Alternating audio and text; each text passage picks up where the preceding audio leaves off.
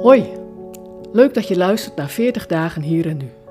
De podcast die je wil helpen om Jezus te volgen in jou, hier en nu.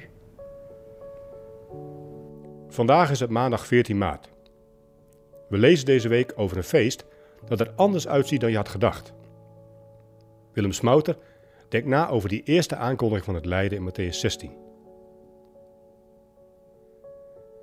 Bij de Europese kampioenschappen van vorig jaar waren de straten bij mij in de wijk helemaal oranje gemaakt. Ik herinner me dat ik vlak na die smadelijke nederlaag tegen Tsjechië in de achtste finale door de wijk liep. Alles zag er nog steeds feestelijk uit. Er stonden tentjes met bier en worst, maar er hing een loodzware teleurstelling in de lucht. Hoe komen we hier ooit overheen? Ik denk dat er ook zoiets in de lucht hing in Jezus' tijd toen hij na vele wonderen en genezingen een hoop aanhang had gekregen in Galilea. En toen ineens aankondigde dat hij terugging naar Jeruzalem, om daar veel te moeten lijden. Er is geen enkele fan die zoiets graag hoort. Voor Petrus en zijn collega's was het nog wel een houtje erger. Zij waren niet zomaar fans van Jezus, maar laten we zeggen zijn technische staf. En dan hoorden ze Jezus zeggen dat hij naar Jeruzalem moest gaan en veel zou moeten lijden en gedood zou worden. Maar op de derde dag uit de dood zou worden opgewekt. Kijk, wij horen daar, daarin vooral het laatste woord, dat hij opgewekt zou worden. Maar reken maar dat het voor Petrus en zijn collega's eerder zoiets was alsof hun held de strijd opgaf. Ik kan me levendig voorstellen dat Petrus daartegen in verzet kwam en dat hij zei: Dat nooit, Heer Jezus, dat gaat zeker niet gebeuren. Maar Jezus herkent daarin iets van de satanische verzoeking in de woestijn. De verzoeking dat hij ook wel koning zou kunnen zijn zonder al dat lijden te ondergaan. En daarom zegt Jezus, net als toen, ga terug, Satan. Maar wel met dit belangrijke verschil dat Petrus zijn volgeling is en dus ga terug, Satan, achter mij. Want daar hoort de volgeling van Jezus achter Jezus aan. En ja, dat kan heftig zijn. Wie achter mij aan wil komen, die moet zichzelf verloochenen, zijn kruis op zich nemen en mij volgen.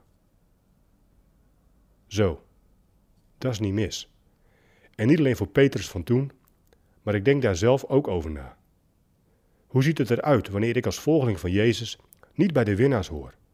Als ik geen verhalen over genezing en wonderen meer heb en dat ik dan mezelf moet verloochenen? Wat raak ik dan kwijt? Voor Petrus zat het hem in zijn eergevoel. Hij was iemand die eigenlijk alles kon, behalve het lijden verdragen en een dienaar zijn. En nou zul je zien dat hij juist dat moest leren. Volgens mij herken ik daar iets van, maar je kunt zelf misschien iets anders invullen. Jezus volgen, dat gaat je gegarandeerd wat kosten. En waarschijnlijk ook iets dat pijn doet. En wat krijg je daar dan voor terug? Waarom zou je Jezus volgen? Ieder die zijn leven wil behouden, zegt Jezus, die zal het verliezen.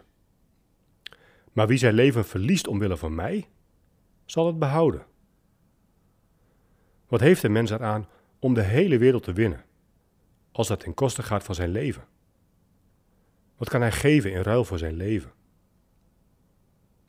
Ik denk dat dit met opzet woorden zijn waar je op kunt blijven kouwen. Jezus volgen, dat is niet in een wandtegelspreuk te vangen. Denk er gerust over door. Wat win je ermee om Jezus te volgen? Meer dan je eigen glorie en succes. Wat is het je waard om met Jezus feest te vieren? Nu al elke dag en straks voor altijd en eeuwig.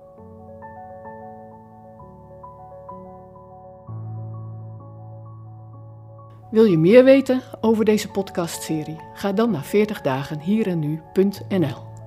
Voor de Bijbelteksten in deze podcast gebruiken we de NBV 21 van het Nederlands en Vlaams Bijbelgenootschap.